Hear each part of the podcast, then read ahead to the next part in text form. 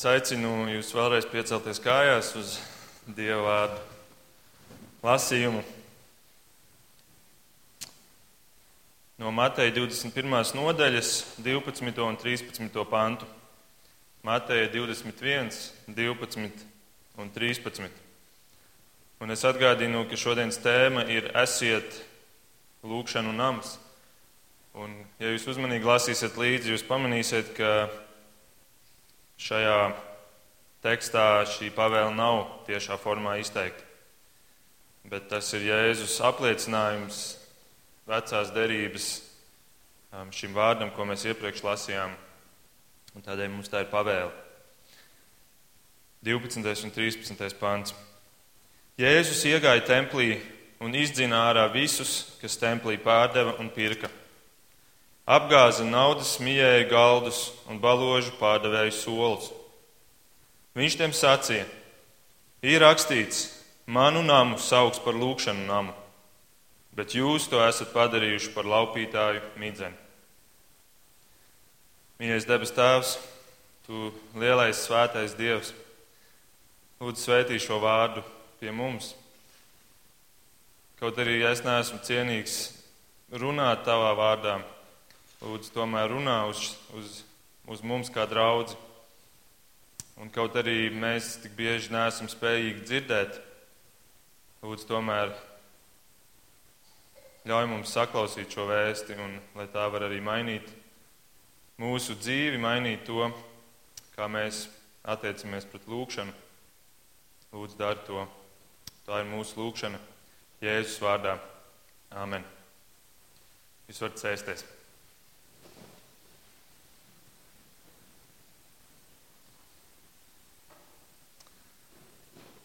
Ir Jēzus dzīves, pirms Golgātas dzīves pēdējā nedēļa, un viņš dodas uz Jeruzālēm kopā ar saviem mācekļiem.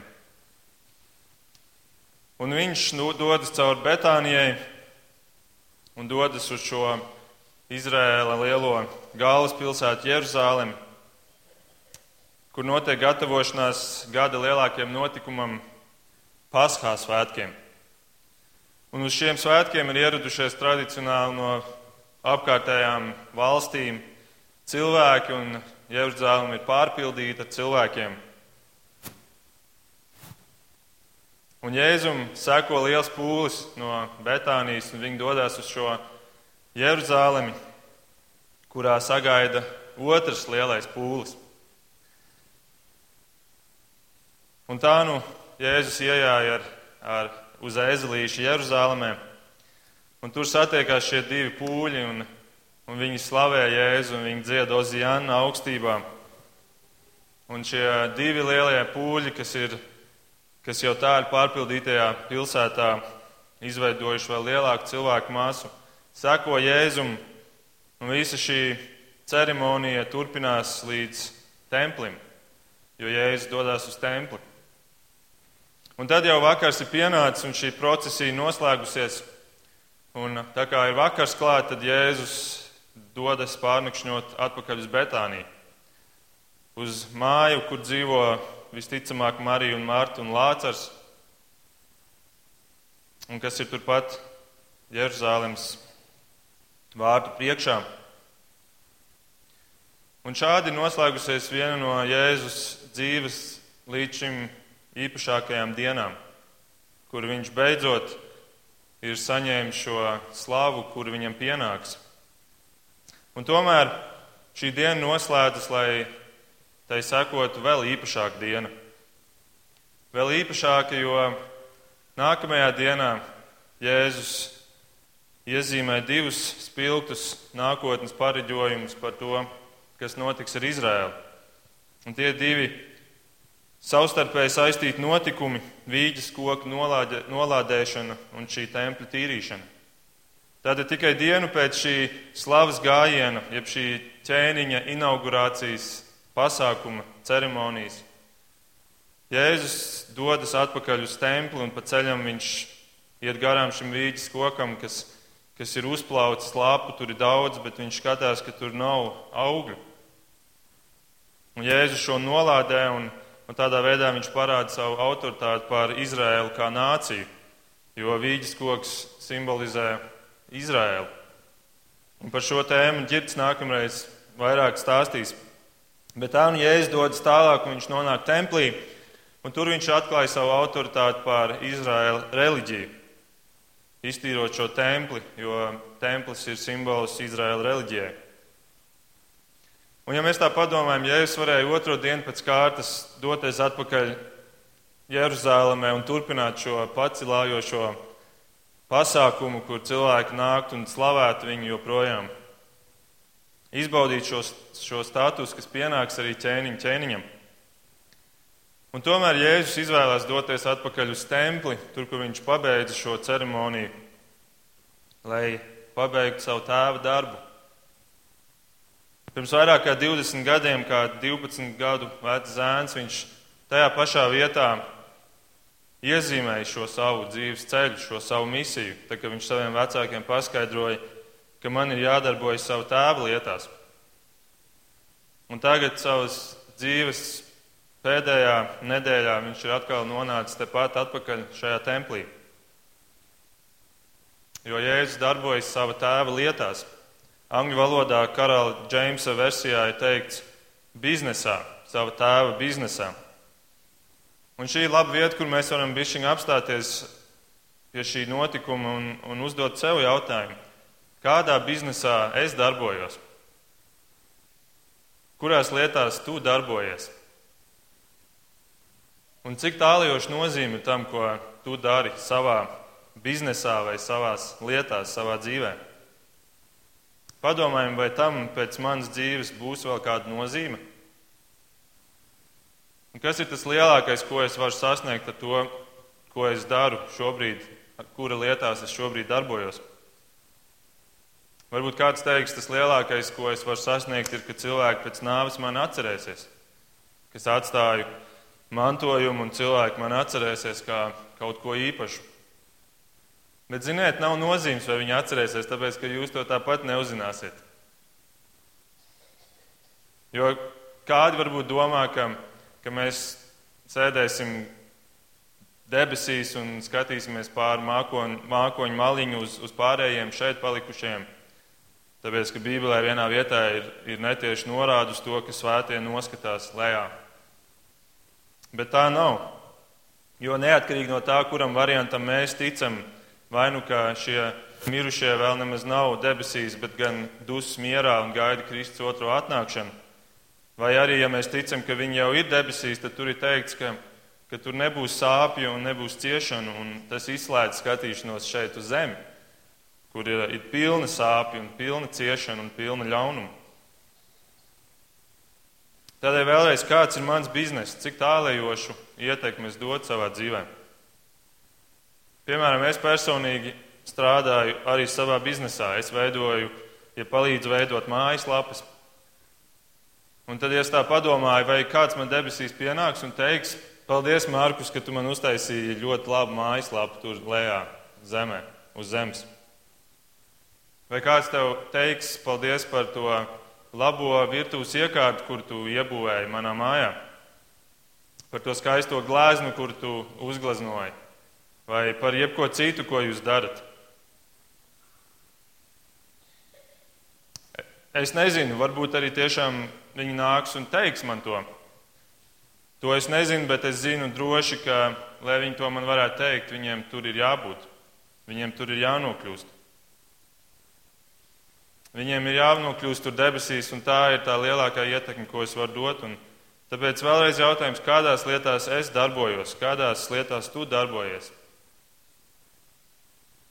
Jā, protams, tu vari un mums vajag darboties laicīgajā darbā, bet tas nekad nedrīkst kļūt par pirmo prioritāti mūsu dzīvē.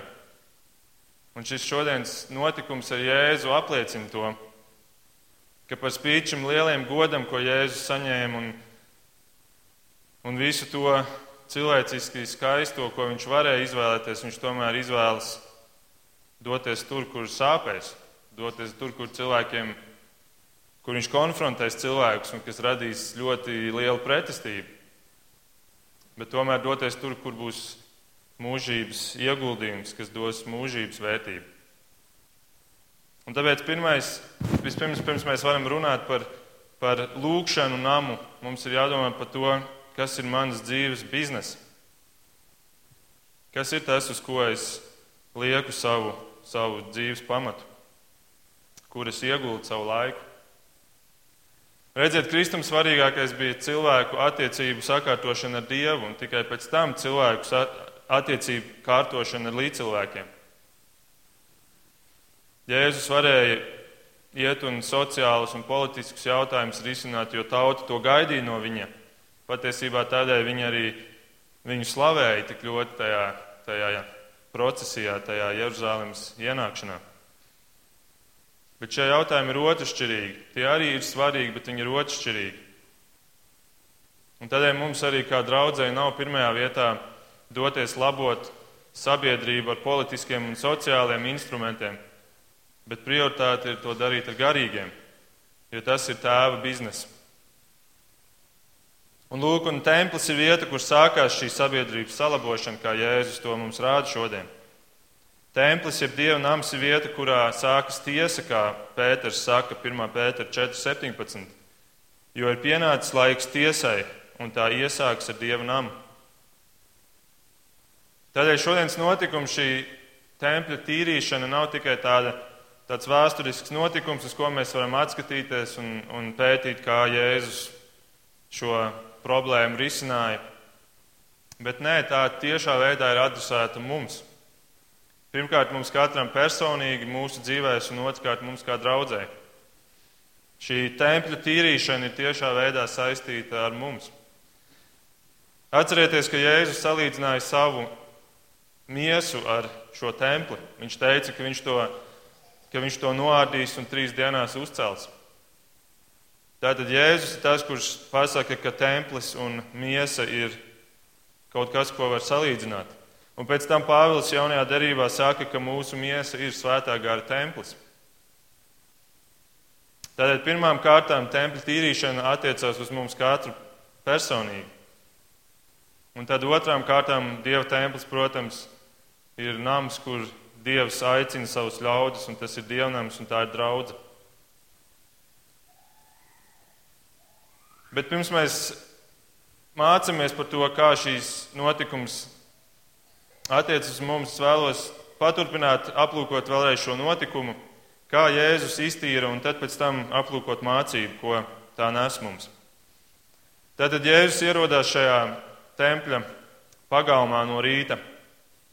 Un templis sastāvēja no daudziem, daudziem pagalmiem, un jo tuvāk tu Tu um, gāji tai svētajai vietai, jo augstāk tu kāpi kalnā. Tas viss templis gāja uz augšu, un augstākā vieta bija tā visvētākā vieta, kur tikai priesteris drīkstēja ienākt vienreiz gadā. Bet atpakaļ ejot, katrs nākamais pagalms savā ziņā deva arvien lielākai cilvēku masai um, ieeju šajā, šajā pagalmā. Un, vis, un tā, tas pirmais pagalms bija pagalms, kur varēja nākt arī ne tikai ebreji, bet arī citautieši, pagāni. Un šajā pirmajā pagalmā notika arī viss šīs biznesa darīšanas. Un viss templis bija augstā priestera Annas pāraudzībā, un viņš patiesībā šo visu tempļa uzturēšanu bija pārvērts par tādu lielu biznesu sev.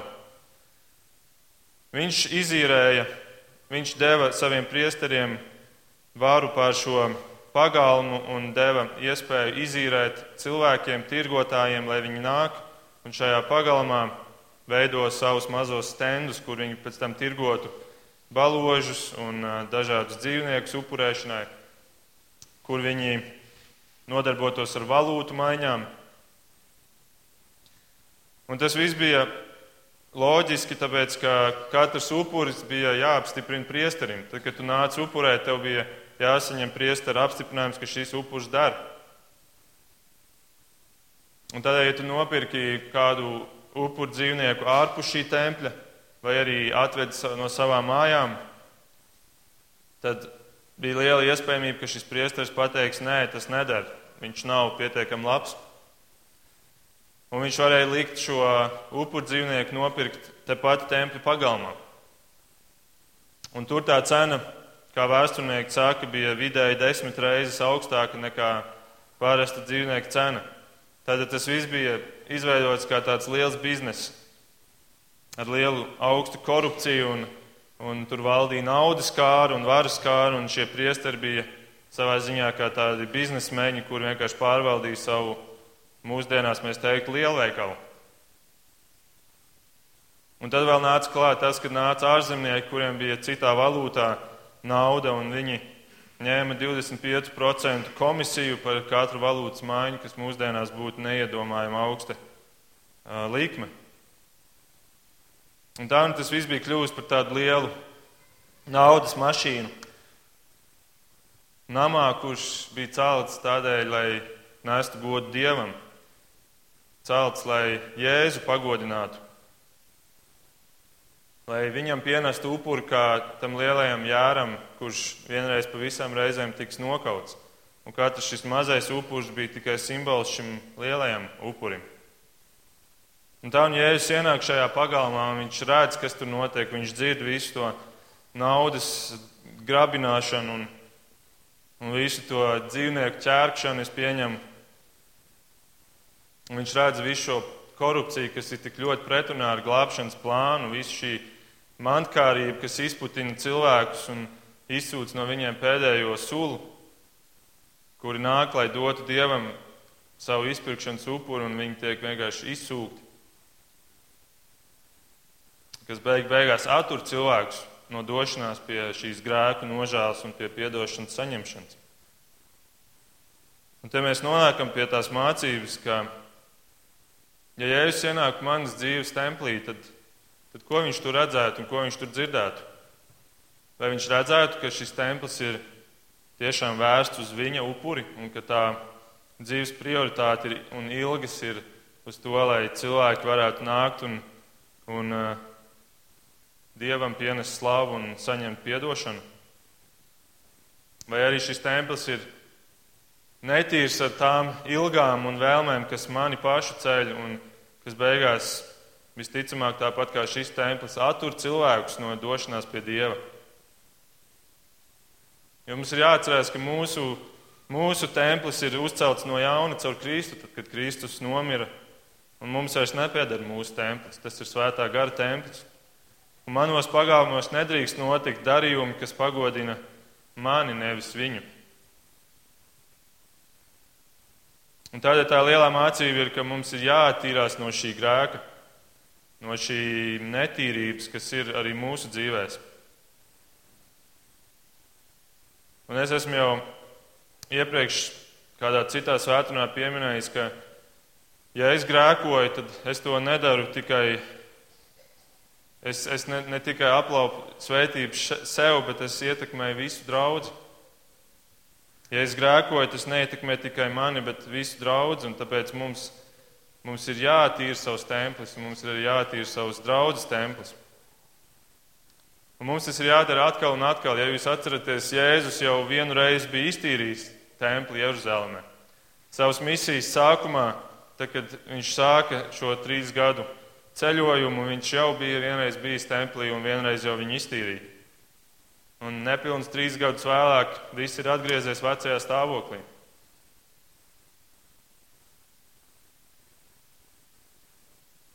Jā, un tas ir tas pirmais jautājums, kā ir ar manu dzīvi, vai mana dzīve arī, ja mans bizness ir uz mani vērsts un, un es dzīvoju, lai, lai liktu sev labu, dzīvi, labu dzīves pamatu, vai, vai šie pagalmi arī nav savā ziņā sauguši ar dažādiem veikaliņiem, kas nes man komfortu,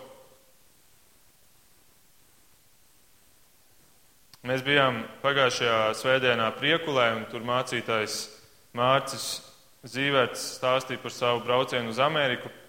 Un viņš stāstīja, ka tur bija kāds misionārs, kurš tikko bija bijis laikam Peru, ja es pareizi atceros, un, un ka viņš, šis misionārs devās uz šo Peru, un viņam apkārt apskrien daudzi mazi bērni, un viņi saka, šiš, šiš, un tas mācītājs nezina, ko tas nozīmē, un viņš Viņš viņiem pretī saka, šiš, šiš, šiš. Un, un tā viņi tur sasaucās viens ar otru. Un, un pēc tam viņš pajautā, ko tad nozīmē vienam citam tur iedzīvotājiem, ne, pieaugušiem, viņš jautā, ko tad nozīmē šis vārds šiš? Tas cilvēks atbild, tas nav labs vārds. Šis vārds nozīmē skopulis. Tu skopuli, tu skopuli. Un tas ir labs jautājums, vai, vai nav arī mums tā, ka mēs dzīvojam un veidojam šo templi kā tādu skopuļu, kur uzliekam mūri apkārt un tad plānojam savu dzīvi sev un, un ka tikai mums, mums būtu tas, ko mēs esam sev izplānojuši dzīvē.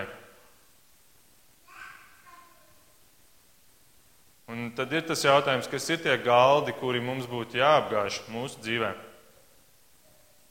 Un tas noteikti ir, tā noteikti ir alkatība un slinkums un mantkārība un miesas kāras un slavas kāras. Viss tas, ar ko mēs patiesībā izniekojam Dieva doto mantu mūsu dzīvē. Un es esmu iecelts kā saimnieks pār šo templi, un tas templis nepiedara man. Mana dzīve nepiedara man, bet man ir dots uzdevums būt uzticamam saimniekam. Un šo templī mēs varam salīdzināt ar sevi, bet mēs varam arī salīdzināt ar baznīcu, kā jau teicu. Un tad jautājums ir, kā ir ar draugu? Kā ir ar mums? Vai mēs arī meklējam to, ka mēs attīramies no grēka un kļūstam tīri un svēti? Kā ir ar godbijību mūsu arī sapulcēs? Kā mums ir ar lūkšanu, vai mūs pazīst kā, kā lūkšanu namu? Tā kā templis bija celts ar, ar jēgu kļūt par lūkšanu namu, vai, vai mūs pazīst kā lūkšanu namu. Mēs lasījām Iesais 56, ka, ka Jēzus atcaucās uz šo raksturvietu, un viņš saka, ka Dieva nodoms ir, ka jūs nākat un jūs kļūstat par, jūs attīrat savus dzīves, jūs nožēlojat grēku šajā namā un jūs kļūstat par lūkšanu namu visām tautām ka šis templis kļūst par lūkšanu namu visām tautām.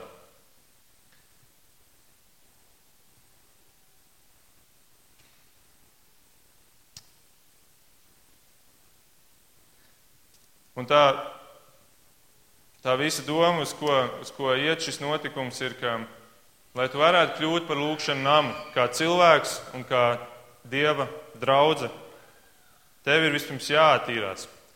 Un jo tīrāks tu kļūsti, jo vairāk tu lūdz. Un jo vairāk tu lūdz, jo tīrāks tu kļūsti. Jo tas ir tā, ka jo biežāk mēs nākam Dieva priekšā lūkšanās, jo vairāk mēs saprotam, kas viņam ir dārgs, jo vairāk mēs nākam kontaktā ar viņu un jo vairāk mēs vēlamies darīt to, kas ir viņa prāts, un tādā veidā mūsu dzīves kļūst arvien tīrāks. Lūkšana ir saruna ar Dievu, un tas ir attiecības ar Dievu. Un Un vienīgais, kas man stāv ceļā uz šo, uz šo tikšanos ar Dievu regulāri, ir mans vecais cilvēks, kurš, kurš ir slings un kuram nav laika lūkšanām, un kuram vairāk vajag izdabāt savām iekārēm un savām iegribām. Un tas ir, tā ir cīņa mums katram, tā ir cīņa arī man. Spērģents ir teicis, Es nezinu nevienu labāku termometru garīgai temperatūrai kā šo tavas lūkšanas intensitātes mēru. Un Džons Paipers ir teicis, lūkšana kā attiecības ir iespējams tavs labākais indikators par tavām mīlestības attiecībām ar Dievu. Ja tava lūkšana dzīve ir slinka, tavas mīlestības attiecības ir kļuvušas augstas. Un mums ir jāatgriežas no šādas augstas mīlestības, kura, kura ir kā tāds piesārņots templis, kur, kur nav laika aiziet līdz, līdz lūkšanai, jo pa vidu ir tik daudz stendi un tik daudz vajadzības, kas man ir jāapmierina vispirms savai dzīvei. Un tad tas viss kļūst kā tāda smaga nasta, man liekas, kur, kur, kur tu vairs nevari teikt, ka es ar karstu mīlestību eju pie Dieva, un tad mēs sūdzamies, kāpēc manā dzīvē nenotiek šis un nenotiek tas, un nav prieka un nav miera un tā tālāk. Kādā 92. gada žurnālā izdevumā, kāda kristīga žurnāla izdevumā, bija šāds interesants rakstīns. Pirmie Āfrikas kristieši nodevās nopietnām un regulārām privātām lūkšanām. Katram esot bijusi sava vieta krūmu biezoknī, kur tie izkritīja savus sirdis Dievu priekšā. Laika gaitā takas uz šīm lūkšanu vietām bija tik iztaigātas, ka tās jau no attāluma bija redzams. Rezultātā, ja kāds no ticīgajiem bija sācis pamest novārtā lūkšanas, tas ātri vien kļuva redzams brāļiem. Viņi tad laipni atgādināja nolaidīgajiem brāli, zāle ir izaugusi gara uz tavas takas. Un svarīgi ir atgādināt mums viens otram, ka, lai šī taciņa neaizaug. Un to šodien Kristus mums šeit caur šo notikumu rāda. Mēs šo notikumu varam redzēt tik daudzās gaismās, bet viens no tām tiem, tiem pamat, um, pamat um, vēlmes, ko Kristus vēlēs mums pateikt, ir, ka, ka es gribu, lai šis nams ir lūkšanu nams. Viņš nesaka, ka tas būtu sludināšanas nams, upurēšanas nams, um, sadraudzības nams, bet primāri lūkšana nams. Un tas ir aicinājums mums katram un, un, un viela pārdomām. Brāli un māsa zāle ir izaugusi gara uz tavas takas.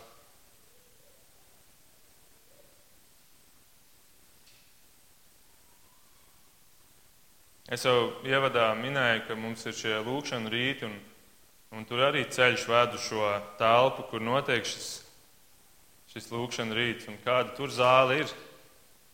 Arī izaugusi gara visticamāk.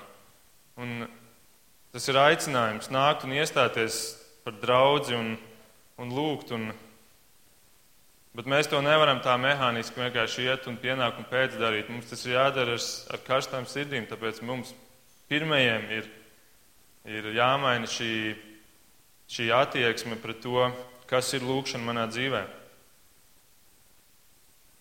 Vai es esmu šāds lūkšana nams, kā Dievs to ir vēlējies?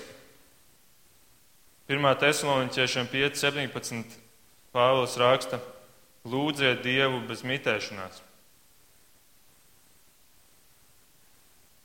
Es saprotu, ka neviens kristietis šo pāntu neņem nopietni, tāpēc, ka Tu nevari lūgt bez mitēšanās.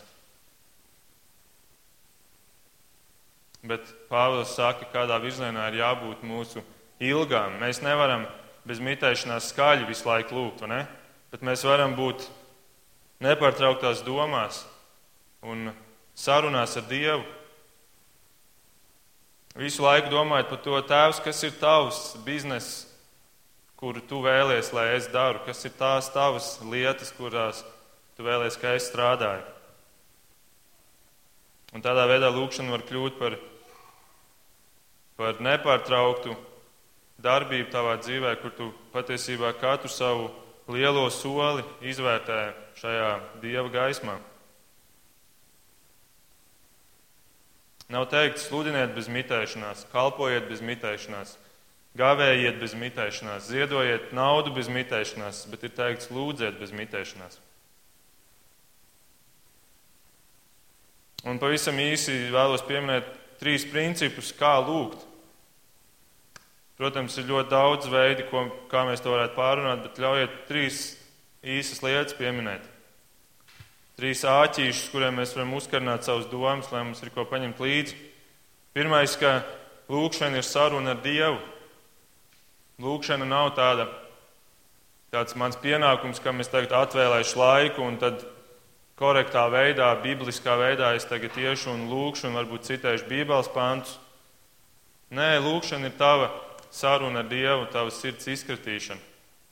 Mēs varam mācīties no bērniem, kuri, kuri patiesi izskrata savu sirdi un, un, un lūdz tādas lietas, kuras varbūt cilvēki nelūgtu, jo viņi no sirds to dara. Piemēram, viena septiņgadīga meitenīte lūdza Mīļais Dievs, lūdzu, sūti man jaunu bēbīti priekš mamītes. Jaunais bēbītis, kur tu atsūtīji pagājušajā nedēļā, pārāk daudz kliedz. Nē, nu, labi, te mēs varētu teoloģiski piesieties, ne, bet, bet cilvēks lūdz no sirds. Tā ir, ir, tā ir priekšzīme mums, mūsu dzīvē. Mums nav jācitē Dieva vārds vai jādomā, ka tikai es pareizi lūdzu Dievu. Ieps necitēja Bībeli, kad viņam bija grūti. Jēkabs necitēja savus centāvus, Ābrahāmu un Īzāku, lūdzot Dievu. Jēzus necitēja vecās derības pāns, kad viņš gāja lūgt. Jēzus teica, nepļāpājiet Dievu priekšā, kas nozīmē arī runājiet no sirds. To, ja tas nāks no tavas sirds, tad tas arī aizsniegs Dieva sirdi. Tātad pirmais, tā ir saruna ar Dievu. Otrkārt, esi konkrēts, nevis vispārīgs. Kāds deviņu gadus vecs zēns lūdza, mīļais Dievs, lūdzu palīdzi man skolā. Man vajag palīdzību pareizrakstībā, skaitīšanā, vēsturē, geogrāfijā un literatūrā. Man nevajag palīdzību nekur citur.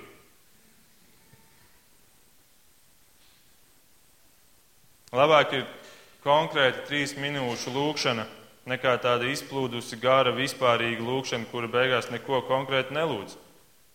Kāds sludinātājs ir teicis, ka Jūs neko nesaņemat, tāpēc ka jūs arī ne, nelūdzat konkrēti, jūs neprasat dievam.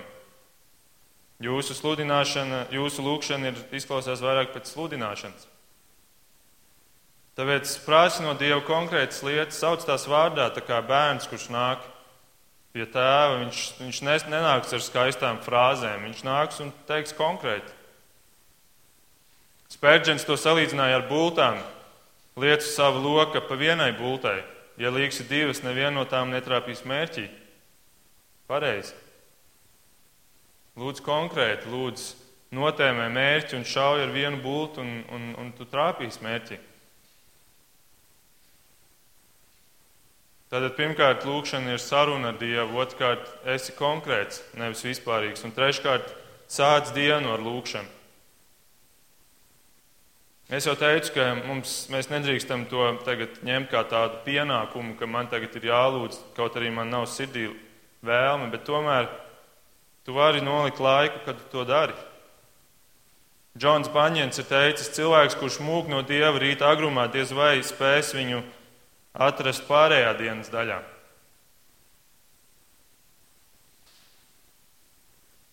Un piektajā psalmā ir teikts, kungs, tu rītausmā dzirdi manu balsi es rītausmā sataisos tev un gaidu.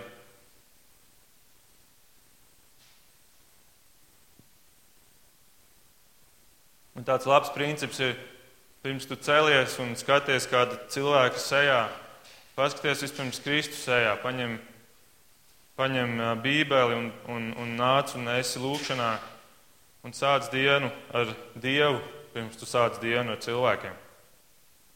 Jēzus bija bija paraugs, kurš no rītiem gāja lūgt, tāpēc, ka viņam bija ļoti aizņemta diena, dienas pārējā daļa. Viņam tiklīdz viņš no rīta bija paēdis droši vien brokastis un reizēm varbūt pat nebija paspējis, jau cilvēki nāca ar savām vajadzībām. Un mēs jau neesam citādāk, ne? mēs sakam, o, es nepaspēju pielūgt, tāpēc, ka man jau no rīta paši bija jāskrien un, un, un man tur zvanīja un man bija vēl šis un tas jāizdara, jāatbild zēpastiem. Jēzum tas nebija šķērslis, viņš gāja, un Marka 1,35 piemēram ir teikts, un rīta agrumā, kad vēl bija tumšs, viņš izgāja laukā un nogājis kādā vientuļā vietā, lūdza Dievu. Ja mēs tā padomājam par Jēzu, viņš bija Dievs. Viņš varēja vienkārši ieslēgt tādu kā, es nezinu, Dieva režīmu, kur viņš pat aizno komunicē un sarunājas ar savu tēvu Dievu. Bet nē, mēs redzam, viņš atvēlēja laiku, viņš, viņš gāja klusumā, mierā un gāja un ņēma šo spēku, ko Dievs viņam varēja dot caur lūgšanu.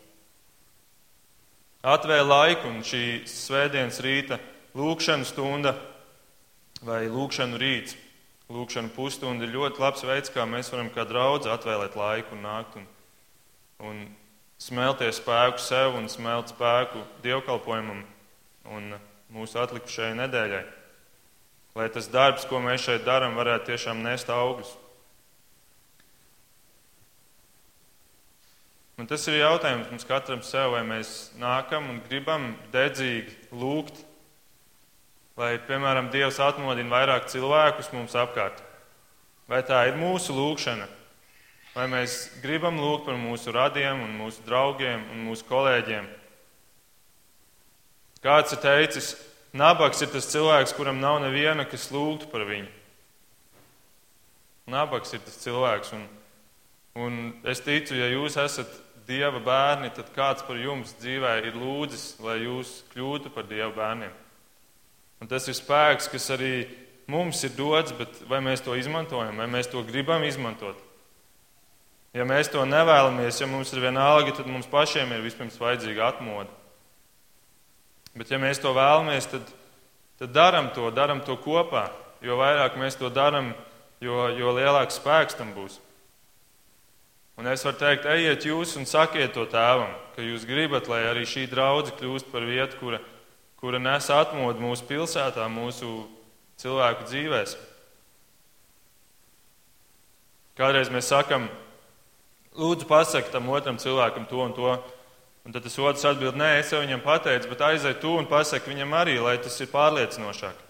Un te tieši tāpat ejiet un sakiet to tēvam, ka, ka mēs to gribam. Mēs to vēlamies, ejam un, un, un daram to. Sātens grib, ka mēs to nedaram. Viņam ir labi, ka mēs neizmantojam šo spēku, kas ir dots. Un man pašam ir tik daudz lietu, kas tiek likt ceļā, un tu saproti, diena ir paskrējusi tik ātri, un tev nav, tev nav bijis laika. Un, un tas, ir tik, tas ir tik nopietni, un tas ir tik, tik viltīgi. Tāpēc ir vajadzīga šī apņemšanās, šī, šī vēlme to darīt. Mūsu mājaslapā ir citāta sadaļa, un tur Džons Paipers, ir Džona Paipera citāts, ka viens no Facebook un Twitter lielākajiem pielietojumiem būs lai pēdējā dienā pierādītu, ka lūkšanu trūkums neradās laika trūkuma dēļ.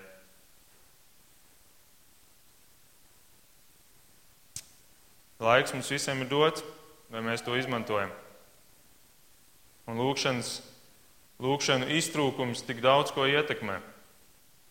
Lietas netiek mainītas uz labu, tur, kur būtu iespēja to darīt. Lūkšanas spēks netiek likts lietām.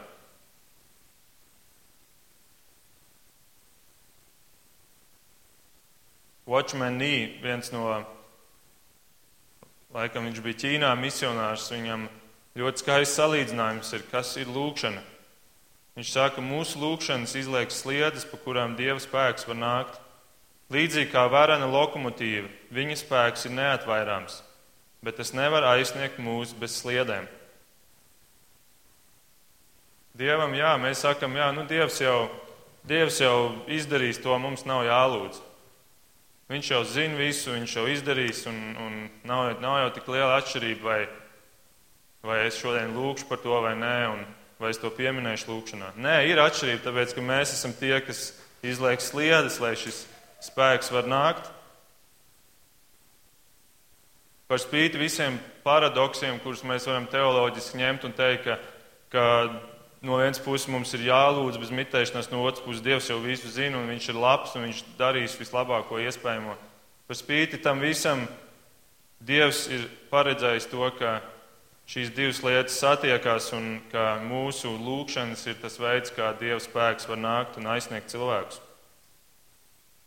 Un, ja mēs paskatāmies uz lielajiem sludinātājiem, ar kuriem nāca atmodas, piemēram, Spērģents, viņam bija atsevišķa telpa baznīcā, kurā sanāca liels skaits vīru un gandrīz nepārtraukti lūdza par šo darbu, kas, kas, kas tika veidots draudzē. Un tas darbs plētās, un, un mēs, mēs šodien tik daudz varam pieminēt viņu un viņa darbu. Fētlers, kurš bija izstudējis Spērģena koledžā, pēc Spērģena pārauga arī veidoja lūdzēju komandu, kas, kas deva šo enerģiju visai tā kalpošanai kas nes augļus. Lūteram bija viens cīņas biedrs mūks, kurš veltīja savu dzīvi, lai tikai lūgtu par Lutera darbu. Viņš saprata, ka tas darbs, ko Luters dara, tas ir tik, tik ļoti svarīgs. Un lūkšana ir spēks, kas nāk caur svēto garu, ko stimulē šis svētais gars. Romiešiem astoņi teica, ka mēs nezinām, kā lūgt. Mēs nemākam, mēs sakam nepareizi un mēs nevaram nokoncentrēties, un mēs nevaram atrast varbūt, varbūt īstos vārdus. Bet tur ir teikts, ka svētais gars gaida, lai nāktu palīgā, un lai šīs lūkšanas atnāktu un beigās aiziet līdz tēvam. Viņš ir kā tāds redaktors, kurš saņem no mums nekorekti, gramatiski nepareizi varbūt veidotu lūkšanu, un viņš viņu izlabo un dod tālāk tēvam, lai, lai, lai tas var aizsniegt tēvu. Vai arī kā tulks, kurš iztulko to valodā, kas, kas aizsniedz Dievu un izpilda šo, šo mērķi. Viņš gaida, bet jautājums ir, vai mēs viņam dodam, vai mēs dodam viņam šo materiālu.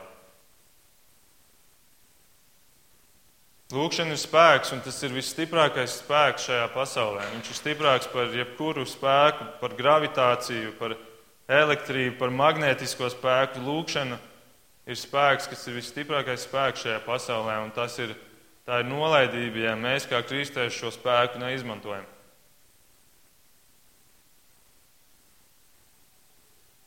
Sidlaus Baksters ir teicis, cilvēki var izturēties nievājoši pret mūsu sludināšanu Viņi var noliekt mūsu vēsti, viņi var pretoties mūsu argumentiem, nicināt mūsu cilvēkus, bet viņi ir bezspēcīgi pret mūsu lūgšanām.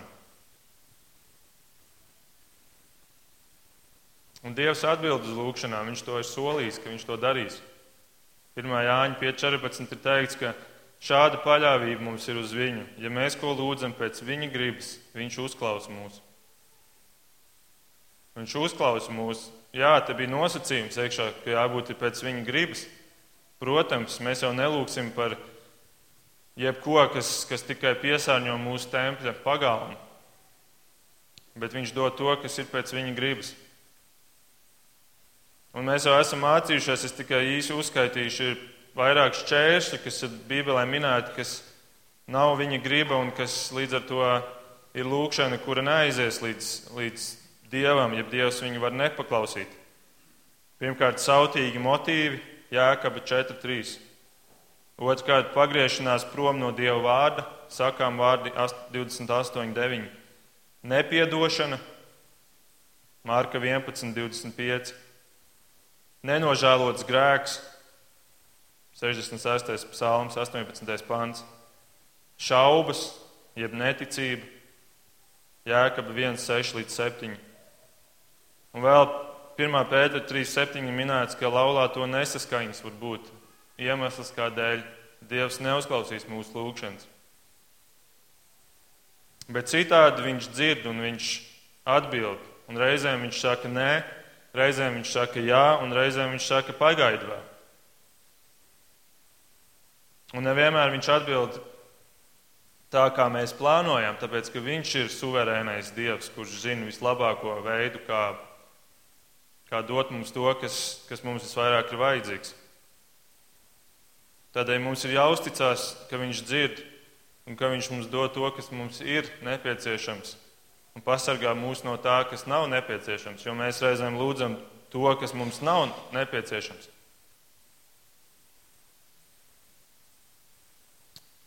Viņa atbildes nevienmēr saskana ar mūsu iecerēto versiju, bet mūsu versija ir ļoti tūredzīga.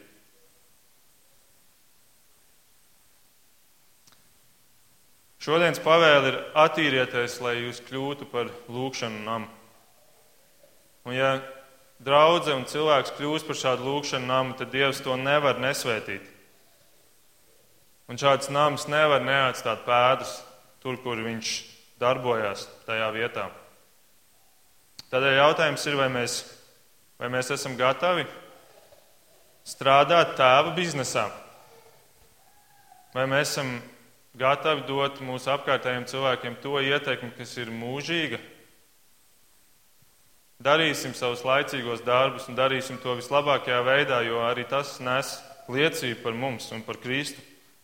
Bet tomēr, lai mūsu sirdīs un lai mūsu lūkšanās ir pirmā vieta šim tēva biznesam, šīm tēva lietām. Tā kā mūsu mīļais kungs Jēzus to parādīja šodien, ejot tīrīt šo templi. Un neizniekosim savu dzīvi ar, ar to, kas ir, kas ir tik pārējoši un kas mums liks nožēlot kādu dienu to, ka mēs, mums bija blakus šis spēks, kas bija dots mums. Mēs esam kūtri iet un runāt, un kūtri iet un darīt, bet, bet tad vismaz lūdzam. Jo tad vismaz ir varbūtība, ka Dievs sūtīs citus, kuri ies un darīs un ies un runās.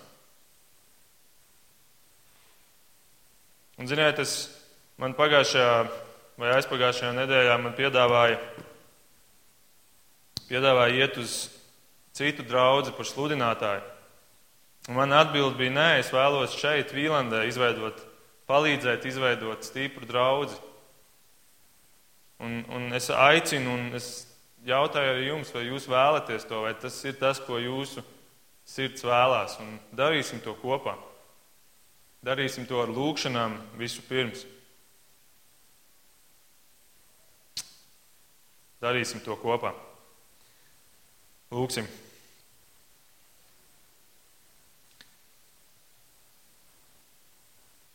Mīļais debes Tēvs, paldies par Tavu dēlu, ka viņš bija tik uzticams. Dēls, kurš gāja un darbojās no savas pirmās dienas līdz pēdējai dienai tavās lietās. Un mēs, mēs neesam tik uzticami un tik stipri kā viņš, un tomēr Tu mums dod spēku, ka mēs varam, ka mēs varam savā sirdīs iedegt par tavu darbu un, un ka mēs varam redzēt šo dzīvi ne tikai šajā īsajā, laicīgajā posmā, bet mūžībā. Ka mēs varam redzēt tos cilvēkus mums apkārt kā mūžīgas būtnes un kurām daudz vairāk par to laicīgo, ko mēs viņiem varam dot, ir tas mūžīgais šī mūžīgā glābšana, ko tu nes, kungs. Es lūdzu, kungs, ka mūsu sirds varētu iedegties par to. Tā ir mana, mana vislielākā lūkšana šodien, kungs, ka katrs, kurš ir šeit, ka viņš varētu apzināties šo savu nozīmi, savu lomu draudzes darbā un kļūt par lūdzēju un, un tiešām no sirds vēlēties to. Lūdzu, liec tu šo vēlmi iekšā mūsu katru sirdī. Un ka mēs varētu lūgt par sevi, lūgt par mūsu ģimeni, lūgt par mūsu draugu un tās vadītājiem, un lūgt arī par mūsu valsts vadītājiem. Lūdzu, sveitī šo zemi, kurā mēs esam, šo valsti, kurā mēs dzīvojam, lai Tava griba var notikt un ka mēs varētu nest un izmantot šo laiku, lai arī dotu šo garīgo ietekmi, kas paliks mūžīgi. Lūdzu, svētī to, kungs, un to mēs lūdzam mūsu kunga, tavu dēla Jēzus vārdā. Amen.